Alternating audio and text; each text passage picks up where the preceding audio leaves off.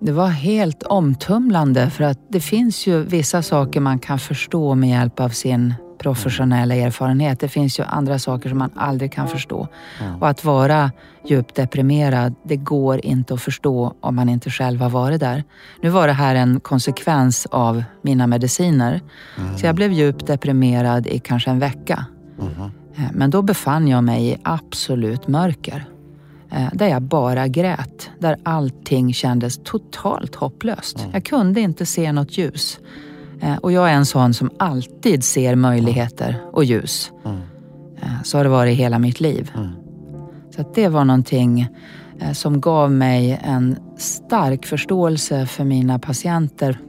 Läkaren Ulla-Karin Nyberg är van vid att lämna besked om livshotande sjukdomar. Hon är dessutom den i Sverige som förmodligen kan mest om svår depression och självmord. Och sedan ett år tillbaka pratar hon livsfrågor varje vecka i radion. Men vad händer när hon själv får besked om att hon har en dödlig sjukdom och själv åker in i en djup depression? Och hur hanterar vi som människor att plötsligen få en diagnos som helt vänder upp och ner på våra liv. Jag heter Henrik Fränkel och jag fick påsken 2019 diagnosen kognitiv svikt. Och jag vill med den här poddserien göra en upptäcktsfärd in i vår tids kanske mest ökända och stigmatiserade sjukdom. Jag ska träffa människor som kan hjälpa mig att förstå den sjukdom som drabbar 20 000 svenskar varje år som har funnits över hundra år och som ingen överlever.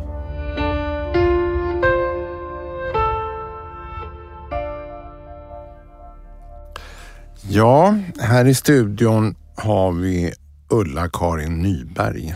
Välkommen! Mm, tack så mycket. Du känner igen den här studion? Jag känner igen den. Här har jag spelat in min podd eh, Inferno. Okej, okay. som handlade om? Ja, den handlar om eh, hur man kan drabbas väldigt hårt och sen hitta en väg ut ur mörkret. Så att jag pratar framförallt med män som har haft svåra psykiska problem och också är drabbade av självmord eller självmordsförsök. Mm. Hur är det att prata om självmord? Jag gör ju det hela tiden. Eh, fråga min familj så tycker de kanske att jag pratar lite för mycket om det. Okay. Och det har jag gjort i 20 år. Mm. Men när man blir trygg och pratar om någonting som är väldigt stigmatiserat och tabubelagt mm. så kommer man så nära människor. Så för mig har ju det varit en kanal eh, för att nå fram till människor. Men självmord är ju nästan ett ord som ingen vågar ta i sin mun. Mm. Fast det är skillnad. Var, var, varför är det så? Ja, men det är något otäckt med det. Mm. Bara tanken att man kan eh, utöva dödligt våld mot sig själv. Vet, vet, vet du att det är så att 94 procent av allt dödligt våld handlar om självmord? Inte Nej. dödsskjutningar eller sprängningar. 94 procent. Och det är en skrämmande tanke. Det är fyra människor varje dag som mm. avslutar sina liv på det sättet. Och man vill ju inte att det ska hända. Det strider ju mot något grundläggande, den här självbevarelsedriften mm. och det här som vi som har drabbats av svår sjukdom kämpar för, att leva så länge som det går. Varje dag blir ju värdefull. Men det är också väldigt skambelagt med självmord. Mm. Och det är kulturella skäl. Det var ju förbjudet att ta sitt liv och mm. inom kyrkan, religionen så har det ju varit och är fortfarande delvis starkt tabubelagt. Mm. Så det är inte så konstigt. Man fick ju inte ens en vanlig begravning när man hade tagit sitt liv, när man var en självspillare som det mm. hette. Då kunde man få en så kallad skamlig begravning som utfördes av bödeln. Så det finns väldigt mycket skam kring det här. Mm. Du är suicidforskare. Vad gör man då? Ja, jag försöker att få med människors berättelser in i vetenskapen därför att vi vet så mycket av det som är kvantifierbart, alltså det vi kan utläsa indirekt via register. Och hur många? Hur många? Ja, men och riskfaktorer och mm. sånt. Ja, precis. Kvantifierbart hur många, det som man kan fånga i tabeller och kurvor. Mm. Men människors berättelser, den unika berättelsen, vad händer med just den här personen? Vad kan vi lära oss av den människans expertis och kompetens? Det finns det betydligt mindre av så att det är det jag försöker beforska. Och eh, varför det? Eller hur, hur hamnar du i det här? Med självmord och suicid? Ja, jag började ju som onkolog, cancerläkare på Radiumhemmet där jag jobbade i många år. Och det började nog med att jag märkte att mina patienter de pratade med mig om helt andra saker än vad de pratade med mina kollegor om. Jag fick livsberättelser, jag fick ta emot rädslan för att dö, vad man tänkte händer efter döden. Mm. Och jag började fundera över vad det berodde på. Hur kommer det sig att man berättar för just mig? För jag tänkte inte att det handlade om mig som person utan jag tänkte att det handlade om en professionell hållning. Mm. Och så började jag utforska den och kom fram till att det här går ju att både formulera och lära ut och då kanske jag ska ägna mig åt det. Så att det föll sig naturligt. Jag var ju dessutom van vid döende och död från mitt arbete på Radiumhemmet så att det var inte så skrämmande för mig med suicid. För att på den tiden så dog man av cancer? I betydligt högre omfattning än idag. Mm. Men så är du sedan ett år tillbaka också eh, ny eh, radiopsykolog, men det är du egentligen inte. Men i programmet Livet med Ulla-Karin Nyberg det blev ett jävla liv kring det där. ja, det blev ju det. Jag är ju inte psykolog, jag är ju psykiater. Aha. Men vi psykiatrer ägnar oss ju också åt terapeutiska samtal. Okay. Eh, ja, man kan tycka mycket, men jag, jag, jag, tänker att man ska ta hänsyn till människors sårade känslor. Mm -hmm. Det var många som blev upprörda. Jag såg ingen poäng i Nej. att driva det som ett självändamål, att vi måste behålla den här mm. titeln. Så programmet heter? Ja, det heter nu Livet med Ulla-Karin Nyberg. Och det stämmer rätt bra för att även om jag jobbar med mm. döende och död så pratar jag ju mycket, mycket mer om livet än mm. om döden. Mm. Vilka är de vanligaste frågorna som du får in till programmet? Ja, men människor, i och med att det är jag, de, jag är ju förknippad på gott och ont med extremt svåra situationer. Mm. Så att man ringer med svåra problem. Förluster är ett vanligt tema. Man har förlorat sina barn, man har förlorat någon i självmord. Mm. Faktiskt också självmordstankar. Det här att inte orka med sitt liv och tänka på döden som en utväg. Det som vi normalt sett inte pratar om, det har vi pratat om i det här programmet. Och sen att inte tycka att man hör hemma någonstans, att vara annorlunda. Högfungerande autism har vi pratat om. Mm. Så jag är så imponerad över de som ringer. De tar upp riktigt svåra ämnen. Mm. Och det är en stor igenkänning i det, märker vi. Men vad gör du om någon ringer in eh, och du hör att den personen är faktiskt självmordsbenägen? Det är min producent som pratar med alla som är med i programmet så att hon är, har blivit oerhört duktig på att fånga sånt. Så att då skulle hon eh, förstå att här finns det en akut situation. Ja. Eh, och då hanterar man det på ett annat sätt. Man väntar alltid tills människor är redo att prata i radio. Och hon okay. är duktig på att bedöma det. Och du har, du har inte varit med om det heller? Nej. Att du Nej. har känt att det, det är en person som, som du kan vända? Nej, det har jag inte känt, inte på något oroande sätt. Men när vi pratade just om självmordstankar, då fångade ju medierna, programmet Medierna det samtalet eh, och tog kontakt med mig och ville diskutera. De granskar ju radio ja. och då var jag rädd. Jag tänkte oj, har vi, har vi pratat på ett sätt som kan vara riskabelt? För mm. det är mm. klart att jag är så van så jag mm. kanske inte tänker på det. Mm. Men han var, den journalisten, väldigt eh, glad över att vi pratar om det här ämnet på mm. ett naturligt sätt och han anser att det behövs. Mm.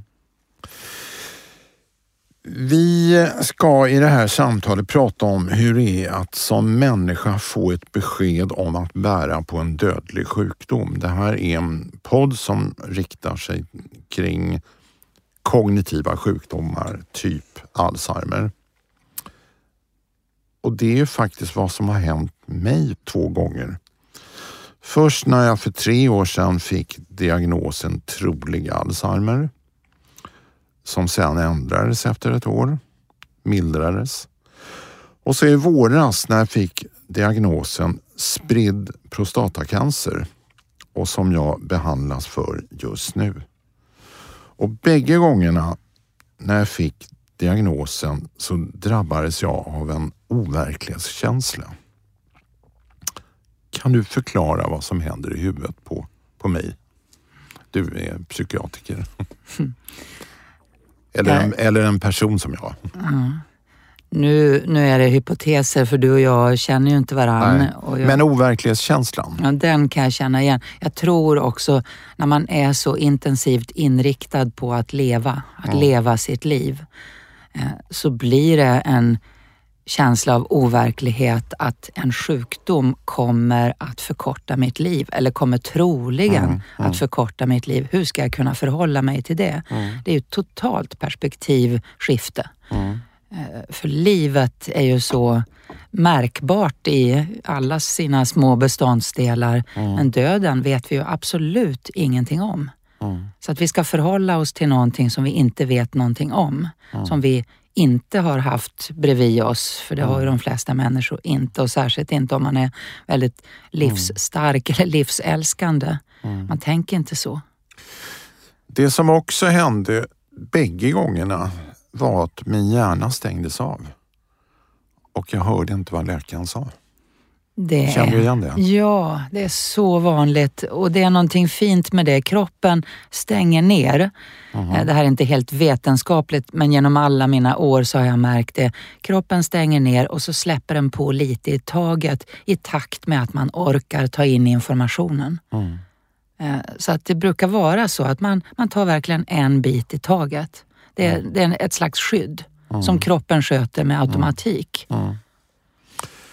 Men om man ska med psykologiska termer eh, förklara hur man hanterar ett besked om en dödlig sjukdom, typ cancer eller Alzheimer. Vad, hur gör man det? Hur gör kroppen det och hur gör hjärnan det? Ja, kroppen gör som jag sa, släpper på lite i taget men mm. sen hanterar man sin förestående död lika individuellt som man hanterar livet. Mm. Vi är så olika.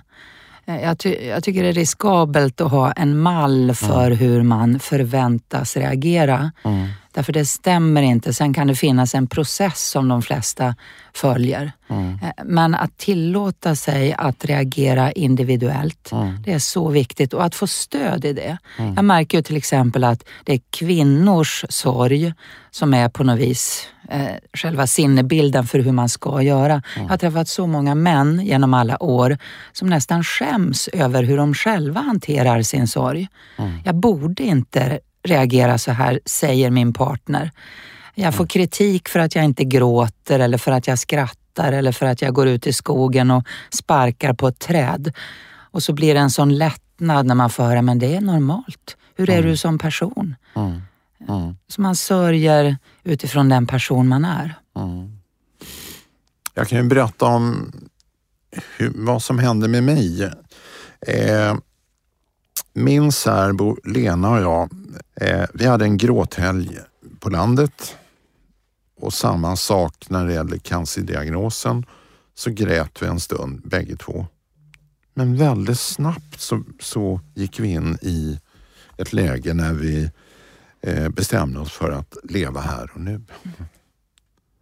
Vad är det som gör att man orkar leva vidare? När man får sån här klubbslag i huvudet. Därför jag blev själv förvånad över hur jag gick in i ett action mode direkt.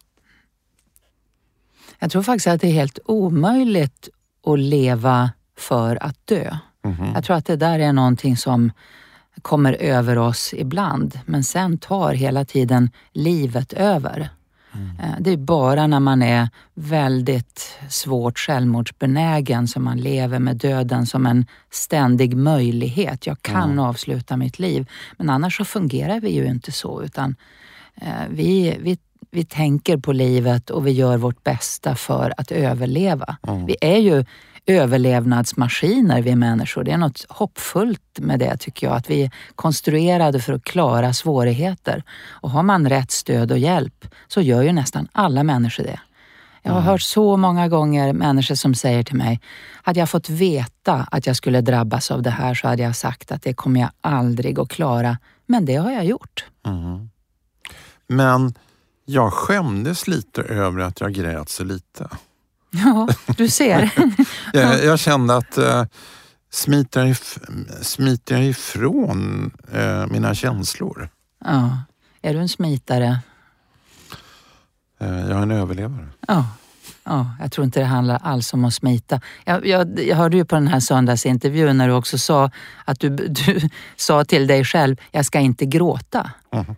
Det är ju lite intressant. Varför säger man det? Jag ska inte gråta. Nej, inte inför läkaren. Nej. Utan jag, när jag gick ut ja. eh, från läkaren. Ja.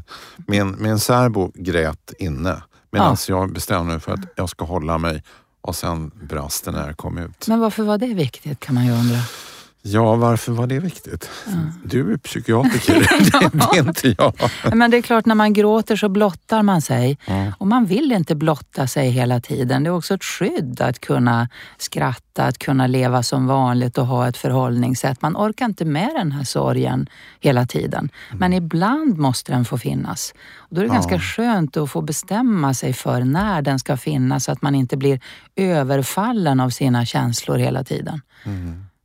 Men sen mötte jag eh, min familj och mina vänner. Och de trodde ju att de skulle få möta ett vrak, men det gjorde de ju inte. Nej. Jag såg ju ganska normal ut och mm. såg glad ut och sådär. Mm. Eh, så det var ju också svårt att liksom möta folks reaktioner. Mm. Vad tänker du om det? Ja, men det är svårt och det är lika svårt att möta någon som själv har, har svårt att hantera att jag har blivit sjuk. Det märkte ja. jag ju när jag själv fick cancer. Hur Precis. omgivningen tyckte att det var jobbigt att just jag som jobbar med att hjälpa svårt sjuka människor fick cancer, som att det fanns den sortens rättvisa. Mm. Men jag minns att jag, jag har ju i hela mitt liv hjälpt andra människor, det är liksom min identitet. Mm. Och vid något tillfälle så sa jag att jag kan förstå att det här är svårt för, för er. Mm det här handlar inte om den närmaste familjen utan om vänner och mm. andra som är lite mer perifera. Men jag kan inte ta hand om det åt er. Jag kan inte ta ansvar för det för jag har nog med mitt just nu. Så att det måste du ta hand om själv. Mm. Och det var lite befriande för mig faktiskt att kunna säga det för en gångs skull. Mm. För att eh, man, man har nog med sin egen reaktion och sina närmastes reaktion. Man kan inte bära hela världens reaktioner. Så att det är svårt både att möta de som inte kan ta till sig mm. att det har hänt något svårt mm. och de som är helt över sig givna för att du har blivit sjuk. Mm. Det är skönt att möta de här som kan förhålla sig lite naturligt, som kan ställa några enkla frågor och sen lyssna på svaret och sen går man vidare och pratar om någonting annat som ju också finns. Mm. Livet och döden finns ju alltid parallellt i mm. min värld. Jag tänker alltid så. Nej, men det som har varit svårast, det är vänner men framförallt bekanta som kommer med lite uppmuntran, typ det här kommer gå bra. Jag har hört en, jag har en morbror som levde 20 år med, med prostatacancer mm. och liknande.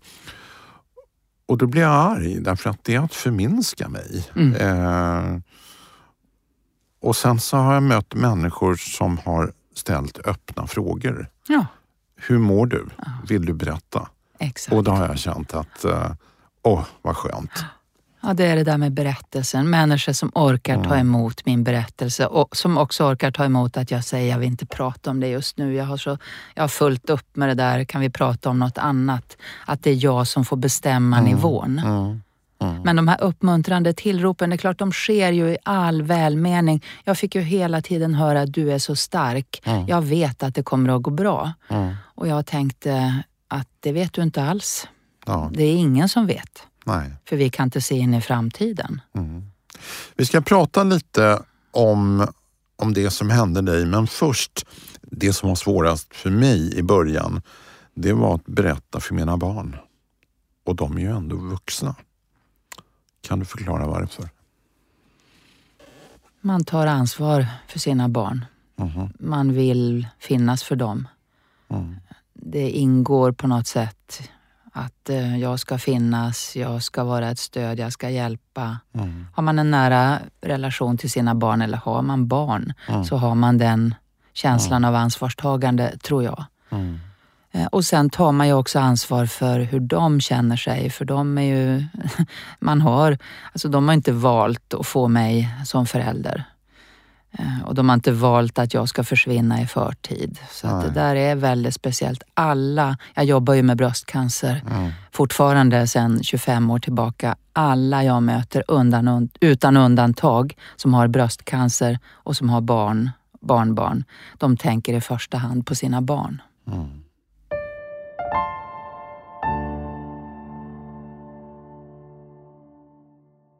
Då ska vi komma in på dig lite mer. Du är läkare, du är onkolog som du berättade och du har patienter med bland annat spridd prostatacancer.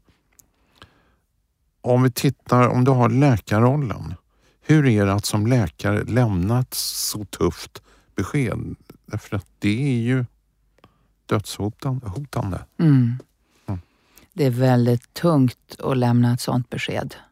Jag jobbar ju nästan enbart med självmord. Mm. Eh, Så att jag lämnar ju hela tiden svåra besked eller jag befinner mig hela tiden i situationer som jag egentligen inte kan påverka. Men Mm. det är tungt och det är viktigt tycker jag att det får vara tungt också för mig att jag kan vara berörd. Det är mycket svårare att få ett besked av någon som verkar helt oberörd Mm. där jag bara är en diagnos vilken som helst, inte en människa. Mm. Så att det där är ju en konst, att mötas. Och vad i- gör du i den situationen? Jag talar klarspråk, jag informerar om det som måste informeras om. Mm. Men jag kanske inte säger allt vid det första beskedet. Mm. Jag frågar. Jag betraktar alltid mina patienter som experter. Jag frågar alltid, hur mycket vill du veta? Mhm. Hur mycket klarar du att ta in just nu? Nu verkar det som att du stänger av. Räcker det för dig? Ska vi ta resten nästa gång vi ses eller ska jag be någon annan prata vidare? Och sen försöker jag balansera med någonting annat. Om jag ska säga att det finns ingen botande behandling, då lägger jag till, men det finns väldigt mycket vi kan göra för att hjälpa dig. Jag tycker det är ett konstfel att bara prata om det negativa Mm. Eh, och lämna det som faktiskt går att göra, för då känner man sig helt övergiven. Mm. Och så är det ju lite när det gäller vissa sjukdomar, att man får ett väldigt svårt besked och sen lämnar man, lämnas man ensam. Mm. Man behöver någon som håller mig. Mm. Så tänker du som läkare. Eh, men för fyra år sedan så fick du själv bröstcancer och du har jobbat med bröstcancer som, som läkare. Hur var det för dig att ta emot det beskedet? Ta oss med i, i den situationen. Ja, det var ju svårt för mig som för alla andra. Det första jag tänkte på var mina barn. Det, Visste du vad det handlade om ja, jag visste ju precis. när du jag, kom dit? Ja, jag var rätt säker. Alltså jag, jag var rätt säker. Jag kan ju läsa mina kollegor. Det var kollegor som undersökte mig. Oj. Och jag, jag har väl aldrig egentligen tänkt som många som jobbar inom vården därför att vi måste skydda oss på något sätt. Man kan ju inte hela tiden tänka att det där skulle kunna drabba mig även om det är så. Mm. Så man känner sig ibland lite osårbar som ett professionellt förhållningssätt för att man är tvungen. Och jag har kanske inte gjort det. Jag har nog räknat med faktiskt att jag skulle få bröstcancer för min syster fick det när hon var ung och min mamma har haft det och min faster har haft det. Så att det, det kom inte som någon överraskning. Eh, Men det svåraste för mig var beskedet dels att jag skulle få cytostatika för det trodde jag att jag skulle slippa. Och dels att jag skulle få medicinering i tio år. Det tyckte jag, för det vet jag hur, hur stor inverkan det har på livet. Men sen gick det väldigt fort. Jag, jag reagerade och sen började jag förhålla mig. Jag hittade ett Men, förhållningssätt. men om vi stannar kvar i situationen. Mm. Var du professionell där eller blev du helt plötsligt Ulla-Karin? Jag var bara Ulla-Karin. Jag är aldrig professionell i sådana Och vad, vad hade sammanhang. du för tankar i huvudet då? Eh, Ja, kommer jag att dö i förtid? Mm. Kommer jag att bli frisk? Hur jobbig blir den här behandlingen? Mm. Som, ja, som alla andra. Kommer jag kunna fortsätta jobba?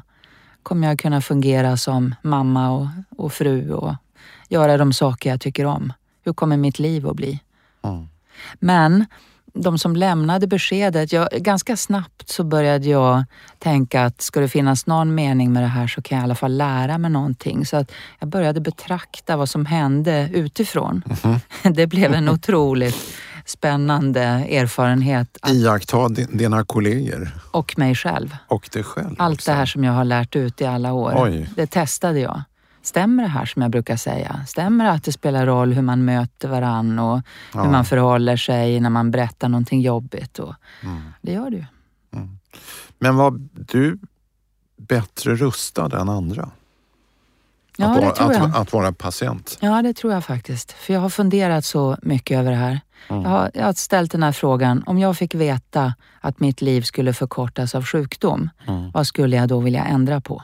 Det har jag tänkt i många, många år. Och vad är det då? Ja, men det har jag gjort redan. Jag vet vad jag vill prioritera. Jag har tänkt så mycket eh, på vad som är viktigast för mig, så jag visste det. Jag visste vad jag kunde lägga åt sidan och vad jag inte kunde lägga åt sidan. Och då kunde jag hitta ett förhållningssätt snabbt som jag sen höll mig till. Och Det var en sån trygghet för mig att hålla mig till det, att mm. göra som vanligt. Men, men mindre. Mm. Det, sa, det sa jag, min man frågade mig, hur vill du att jag ska vara? Mm. Eh, och jag sa som vanligt fast lite mer. Okej. och, ja, det var det vanliga. Det var vardagen som blev så viktig för mig. Och det här mer, vad är det då? att eh, prata ännu mer när det går, att göra vanliga saker. Mm. Att åka buss tillsammans, att han hämtade mig efter behandlingen, sådana mm. saker. Han tog en bild av mig varje dag. Han behövde ett projekt. Eh, för jag kunde inte ha någon bredvid mig som gick och var ledsen. Det hjälpte mm. inte mig. Mm. Och då tog han en bild eh, 365 dagar under hela min behandlingsperiod som har blivit en fantastisk, ett fantastiskt collage faktiskt som hjälper mig att minnas också hur det var. Fantastiskt. Du sa du satte upp ett antal prioriteringar. Vilka var det? Mm. Barnen först. Mm -hmm. Alltid, så har det alltid varit. Barnen och min man. Lägga och, tid på barnen? Ja, att mm. verkligen vara närvarande. Familjen? Familjen, det, är, mm. det är mitt främsta. Och sen jobbet. Jag fortsatte att jobba. Mm -hmm. Och då ska jag lägga till, det här är ju ingenting som jag säger till mina patienter så att mm. man ska inte sitta och lyssna på det här och få dåligt samvete för att man inte själv orkade för att det är så olika. Mm. Så att man måste hitta sitt eget sätt och jag klarade inte att gå hemma och tänka på hur jag mådde. Mm. Hade jag gjort det hade jag, jag vet inte vad som hade hänt. Det, det funkade inte för mig. Så att jag jobbade Eh, jag sjöng, jag sjunger i en kör, jag tränade. Eh, jag träffade vissa vänner mm. ja, och gjorde lite sånt här som jag orkade med. Mm. Men allt skulle vara som vanligt. Mm. Kanske in absurdum, men det är som att man lurar kroppen. Mm. Jag lagade mat fast jag mådde illa. Jag åt fast det inte smakade något. Mm. Jag gick till kören fast jag knappt kunde stå på benen och efter fem minuter så kändes det ungefär som vanligt. Mm. Kroppen är ju helt enastående med det, tycker jag. Mm. Och sen så genomgick du en uh, tuff, uh, som du nämnde, cytostatikabehandling. Uh, varför var du så rädd för den? jag hade träffat så många. Du vet, de som kommer till mig, jag är ju psykiater mm. inom onkologi. De som kommer till mig är ju alltid de som är värst drabbade. Mm. Man kommer inte till mig för att man har en normal krisreaktion utan man kommer till mig för att det är väldigt många saker som är besvärliga. Mm. Så jag har sett så många brytas ner av cytostatikabehandling och få otroligt svåra biverkningar. Jag fick ju strålning också. Mm. Eh, så att eh, jag hade dåliga erfarenheter, men jag fick påminna mig själv om att så här är det ju inte för de flesta. Eh, och jag är vältränad och stark så att det, jag hade rätt goda förutsättningar. Och sen hade jag tur. Jag behövde aldrig söka sjukhus på grund av biverkningar. Nej. Men du hamnade i en depression. Mm. Det du är egentligen expert på. Mm. Hur var det?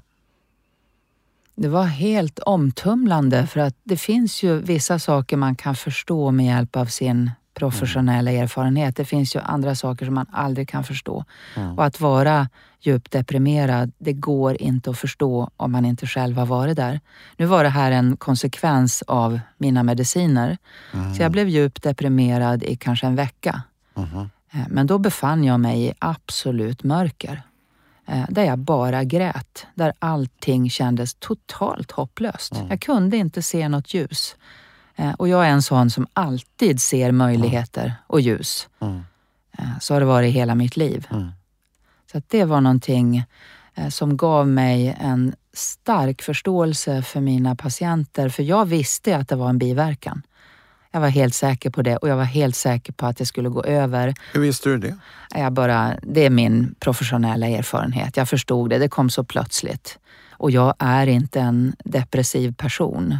Och jag har aldrig varit deprimerad tidigare på det sättet.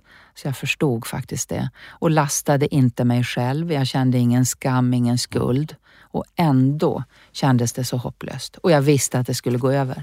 Men var du rädd för, när du var inne i de här mörka tankarna, att tanken på suicid eller självmord skulle dyka upp? Nej, Liksom? nej.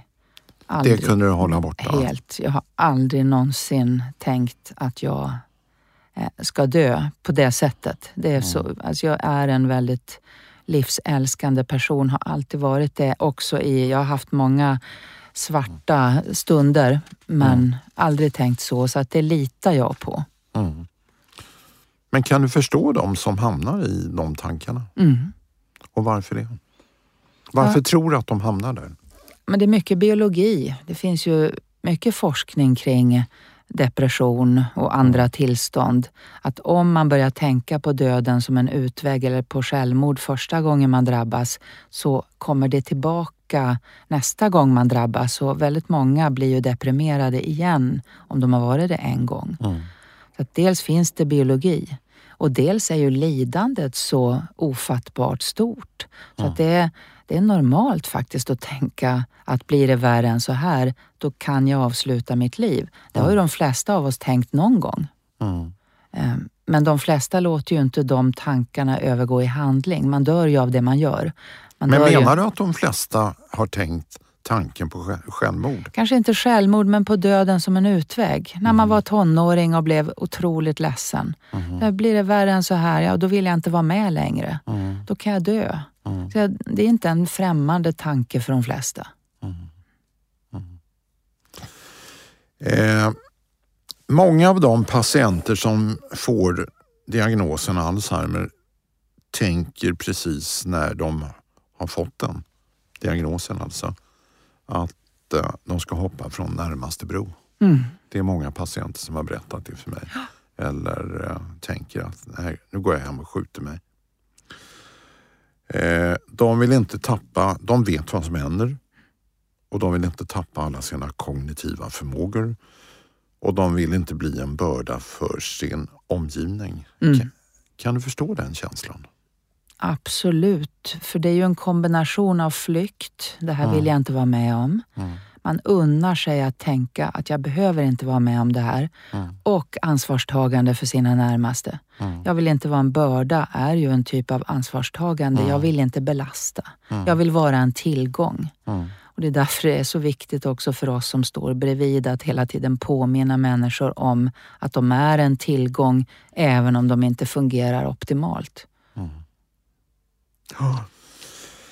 Eh, många menar att det finns eh, ett mörkertal kring självmord. Eh, att det i själva verket är en allvarlig diagnos som ligger bakom. Vad tänker du om det? Ja, men jag tror att det finns ett mörkertal och jag ser inte den här kopplingen. Det finns ju mass, mängder av forskning som visar att de flesta som tar sitt liv har ett depressivt tänkande, en underliggande depression, ofta obehandlad. Men jag tror inte det finns något linjärt samband eller orsakssamband mellan psykisk sjukdom och eh, suicid utan det kan inträffa ändå.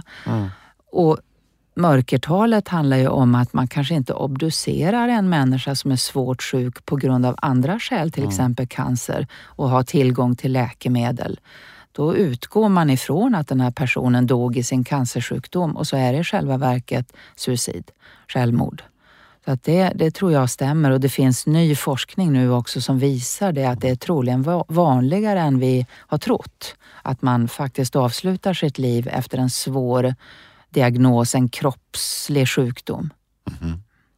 Var, var kommer den ifrån?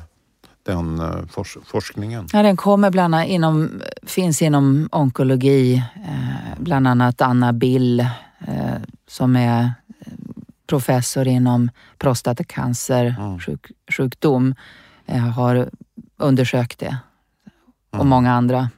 Mm. Du jobbar ju också med prevention av självmord. Vad är det som kan hindra en patient som har tappat lusten att leva? Går det att vända en patient? Ja, oh ja, det är väldigt god prognos. Mm. Lika god prognos som vid bröstcancer. Mm. Så nio av tio som gör ett självmordsförsök och överlever, de dör av andra skäl mm. så småningom. Eh, och det som vänder, det är ju samma sak som skyddar alla människor i kris. Mm. Har man någon som bryr sig om mig? Mm. Eh, har jag någon som ger mig stöd? Mm. Har jag, deltar jag i ett sammanhang som är lite större än jag själv, då är det skyddande. Så det finns en massa saker man kan göra för att få människor att förstå sitt värde. För när jag är självmordsbenägen, allvarligt självmordsbenägen, då känner jag mig värdelös. Mm. Och blir jag påmind om mitt värde eh, och att jag mm. har kompetens att bidra med, så mm. kan man vända det där ganska snabbt. Mm. Mm. Och sen ska man ju behandla om det finns sjukt, underliggande sjukdomar förstås. Mm. Depression är ju ofta en behandlingsbar sjukdom. Det som händer med mig just nu, det är det kommer tårar och, eh, i mina ögon. Och, eh, jag kommer så nära de här frågorna. Var, varför är det så svårt att prata om sånt här? Och inte bara självmord utan mm. svåra sjukdomar. Mm. Jag tror att det krockar lite mot uh, vår kultur, vår, våra kulturella ideal där man ska vara livsälskande, man ska vara lösningsfokuserad, man ska läsa en självhjälpsbok och hitta ett sätt att hantera sina svårigheter. Det här som inte går att hantera, som man faktiskt lever med, det går inte att avlägsna. Mm. Vi är dåliga på att förhålla oss till det som inte går att avlägsna. Och samtidigt är ju det så starkt. Mm. Det känns ju. Mm. Om du blir berörd, berörd ja, då verkligen. känner jag det. Ja. Om jag blir berörd så känner du det. Ja. Och så möter vi varann mm. på ett helt annat sätt. Jag tycker när vi sågs här ute så började vi omedelbart prata allvar. Och det är så fint att man kan göra det. Sen kan man också skratta och småprata. Men så ser ju livet ut. Det är en mosaik av allvar och glädje och, och skratt och trivialiteter och svårigheter. Därför det, det, är också en annan sak som inträffar när man får en väldigt allvarlig sjukdom, i alla fall för mig, och det var livet upphöjdes på något sätt. Livet fick extra starka färger. Mm. Vad, känner du igen det där? Ja, ja, ja, så var det för mig också. Att plötsligt så blev de vardagliga detaljerna så otroligt viktiga. Jag kände så mm. stark förundran mm. Eh, i olika vardagliga situationer och det har jag burit med mig. Jag stannar alltid och tittar när jag ser någonting som gör mig glad eller som gör mig varm. Mm. Eller som går in i mig. Jag samlar på det. Mm. Jag samlar på de ögonblicken och det gör mig, tror jag, bättre rustad mm. inför framtida svårigheter. Mm. Men när man säger att, eh, vilket jag har sagt många gånger nu under ett antal, de senaste åren, det är liksom, jag lever här nu, men det låter så himla trivialt. ja, det, det, är liksom, det är, man låter som någon slags självhjälpsprofet. Eh. Ja. ja. Men, eh, men eh, det är ju faktiskt så.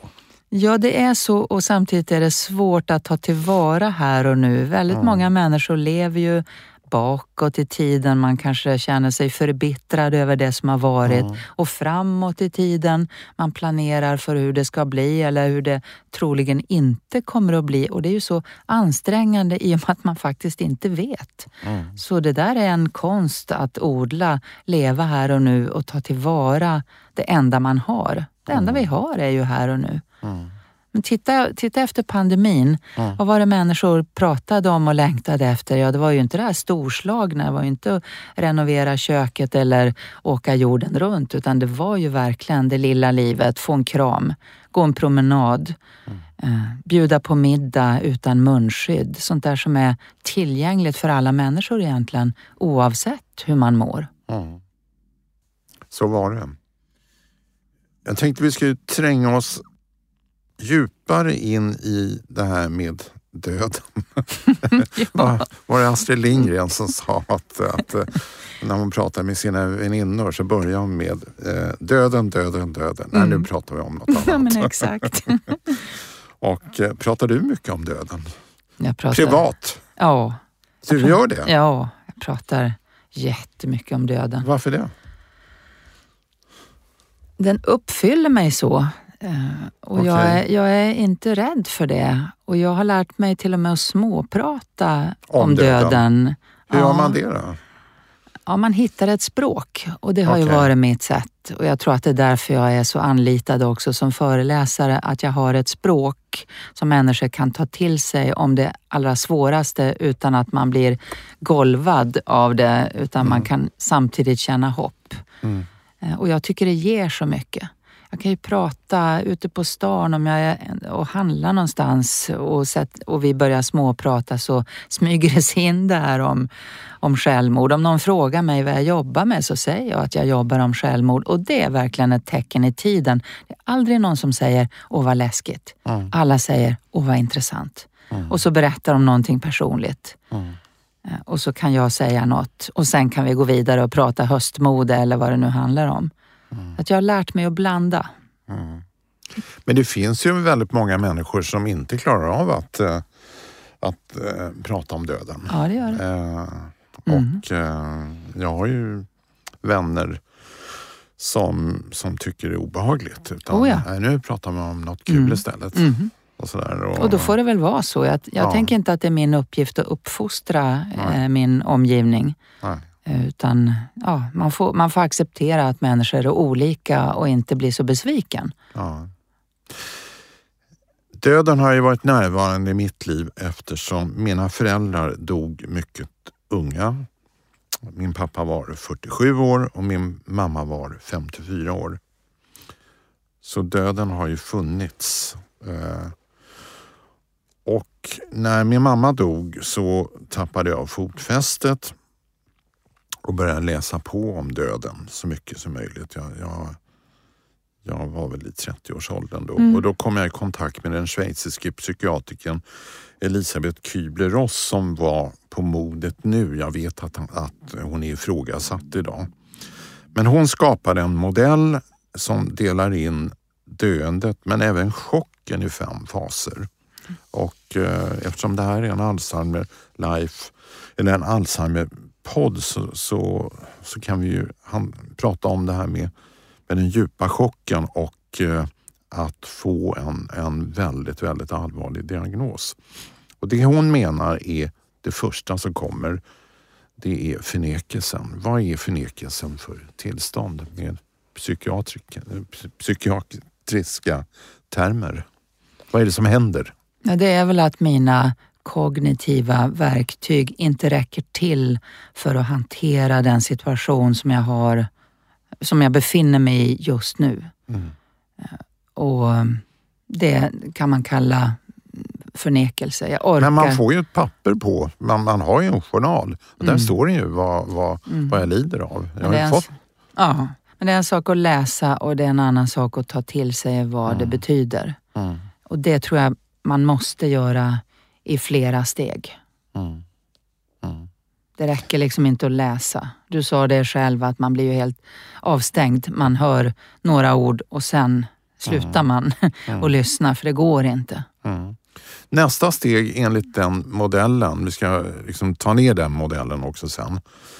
Men det är ilskan. Eh, många blir arga eh, när de får en sån här diagnos. Mm. En allvarlig diagnos. Va, va, vad är det för ilska? Jag tror att det kan handla om eh, känslan för rättvisa. Att varför här, jag men inte varför du? Varför jag men inte du? Och där är vi ju också olika. Och jag som har tränat i hela mitt liv. Exakt. Och jag har ätit rätt. Precis så. Jag har gjort allt jag har kunnat och så ja. känner jag personen som missköter sig Precis. och så är det jag som drabbas. Och du då som har drabbats av två eh, potentiellt livshotande sjukdomar. Men där är vi olika. Alla tänker inte så. Jag tänkte inte så själv att det var orättvist. För om det finns den sortens rättvisa, då vore det ju värre. Då skulle man ju veta när man blev sjuk ja. att det handlade om någonting jag har gjort och nu får jag mitt straff. Mm. Det tycker jag är en mycket mer skrämmande tanke än att slumpen avgör. Men många människor har väldigt svårt att förhålla sig till slump. Man behöver en förklaring. Man behöver något som gör det begripligt. Mm. Så att det, där kommer ilskan också in. Jag förstår inte. Mm. Och då blir jag arg. Mm. Och det måste man få vara. Mm. Tredje steget enligt den här modellen det är köpslagan. Typ det här att eh, om jag bara får tillbaka mitt liv som det var så kommer jag vara snäll, jag kommer inte att drömma om ett större hus, eh, skilja mig. Eh, vad ligger i det? ja, men vi har ju alltid en önskan om att förbättra oss själva och köpslå med ödet eller köpslå med döden. Man ser ju i sjunde inseglet, alltså det är ju något djupt mänskligt mm. att köpslå jag, gör, jag uppfyller min del av avtalet, så snälla kan jag inte få en belöning då? Mm. Och människor som drabbas av svåra sjukdom börjar ofta tänka lite magiskt. Mm. Att man slutar gå på sträcken på trottoaren. Eh, att man räknar röda bilar som när man var liten. Är det så? Ja, ja det är jättevanligt. Fast mm. det pratar man inte om för mm-hmm. man skäms lite. Det, man känner sig inte så rationell eh, när man gör det, men man blir trygg av att skapa den sortens ordning. Mm. Så att jag tycker inte alls att det är konstigt. Och det är något fint i det också, att jag är beredd att anstränga mig. Mm. Men sen gäller det att landa i lagom. Det finns ju de som anstränger sig så mycket för att förhindra att de ska bli sjuka igen så att de glömmer att leva. Mm. Varenda gång man stoppar något i munnen så tänker man det här borde jag inte äta. Mm. Det har också ett pris. Mm. Man blir besatt. Mm. Fjärde steget är isolering och depression och det är väldigt vanligt när det gäller Alzheimer. 20 eh, 000 svenskar får den här sjukdomen varje år. 20 000. Det är liksom som två fulla Globen. Ja. De människorna bara försvinner. Ja. De syns inte överhuvudtaget. De isolerar sig, de, eh, de slutar träffa sina vänner. Eh, och vännerna vill inte träffa dem heller för att de vet inte hur de ska förhålla sig. Vad, vad tänker du om, om depressionen i det här läget? Ja, men det är något hjärtskärande med det. Att vi tänker att vi bara duger, att vi bara bidrar om vi fungerar till vår fulla potential. Mm. Vad har vi egentligen för inställning till svaghet i vår kultur? Mm. Så att man, man drar sig undan. Jag tror det handlar om någon slags hänsynstagande. Eh, att man vill inte belasta, man vill inte att någon ska se hur jag förändras. Mm. Eh, och det är ju det vi kanske signalerar, vi som står bredvid också, att du ska skydda mig från din förändring. Mm. Men då skyddar vi oss själva mot någonting som är oundvikligt och det gör oss mer sårbara tror jag. Jag tror vi har så otroligt mycket att vinna på att blanda. Eh, att ta till oss att eh, det här finns, men livet finns också. Livet finns ju tills man drar sitt sista andetag. Mm. Så att även den som har Alzheimer har ju ett liv mm. och har ju saker som kan bli bättre, mm. som man kan förstärka. Mm. Eh, men sitter man ensam och kurar, då förstärker man ingenting. Mm. Så det här måste vi ändra på. Jag tror inte många vet. Dels att det är fyra människor varje dag som tar sitt liv. Mm. Och dels att det är 20 000 varje år som får Alzheimer. Mm. Du måste ha fått många reaktioner av förvåning. Absolut. Det är väldigt få som vet om det. Ja. Eh, och det tänker jag, eh, när jag fick min första eh, diagnos, trolig Alzheimer, så tänkte jag att jag är väl en av hundra ja. Och sen började jag googla på det och sen upptäckte jag då det är 15-20 000, idag nu eh, 20 000 som får det varje år. Och det var ju anledningen till att jag startade det här med bloggen och med podden. Att, att om ingen annan pratar om det så tänker jag göra det. Så att det, det var... Det, ja, jag blev nog förbannad. Eh, det femte stadiet är acceptans. Kommer vi till acceptans när vi är svårt sjuka och närmar oss döden? Ja, de flesta gör det. Och får man hjälp och stöd så gör i princip alla det. Under alla mina år kan jag påminna mig en enda patient som har vägrat att dö, som, som protesterade in i det sista. Hon vägrade att sluta sina ögon. Jag glömmer aldrig det. Lyckades hon? Nej, men det var hon som blev min inkörsport till det här att jobba med döden för att jag insisterade på att hennes barn skulle få vara med när hon dog. Och jag var faktiskt ensam om att tycka att det var en bra idé. Men det blev så fantastiskt att se hur barn förhöll sig till någonting som är helt naturligt eh, på barns vis. Det gav mig ett väldigt självförtroende när det handlar om de här sakerna. Att det faktiskt går att vara tillsammans också i det svåraste och att det hjälper. Men annars så kommer man till acceptans. Sjukdom är ju en enda lång övning i acceptans. Jag sa alldeles nyss att jag brukar gråta på begravningar och eh, på bio. Uppenbarligen så kan jag gråta här också. Det unika det är ju att, att eh, jag, eh, det är mina gäster som brukar gråta. Ja, men nu sitter du med en person där alla gråter. Det finns ingen som träffar mig som inte gråter. Är det så? Ja, Är när det vi pratar som- om är det sådana du här som, saker. som Det är, det är på, jag. påverkar? Det är jag. Det är ditt fel. Det är mitt fel. Mm. Vad bra. Jag tror att vi får... eh, Hur känns det här förresten? Jag tycker det var fint. Jag är så glad att jag fick eh, möta dig. Mhm. Detsamma. Vad trevligt. Och eh, tack för att du kom. Ulla-Karin Nyberg. Och tack till alla ni som har lyssnat. Eh, vill ni ha ett mejl när nästa podd kommer så anmäl er på poddspelare som Podcaster och Spotify. Eller varför inte gå in på vår hemsida Alzheimer, alzheimerlife.se eh, och anmäl er för de löpande nyhetsbreven. Tack ska ni ha. Bloggen och podcasten Alzheimer Life har också en insamling till förmån för kognitiva sjukdomar. Ni kan hitta den på vår hemsida alzheimerlife.se och den görs i samarbete med Alzheimerfonden. Podden och bloggen produceras av stiftelsen Alzheimer Life och görs på Beppo.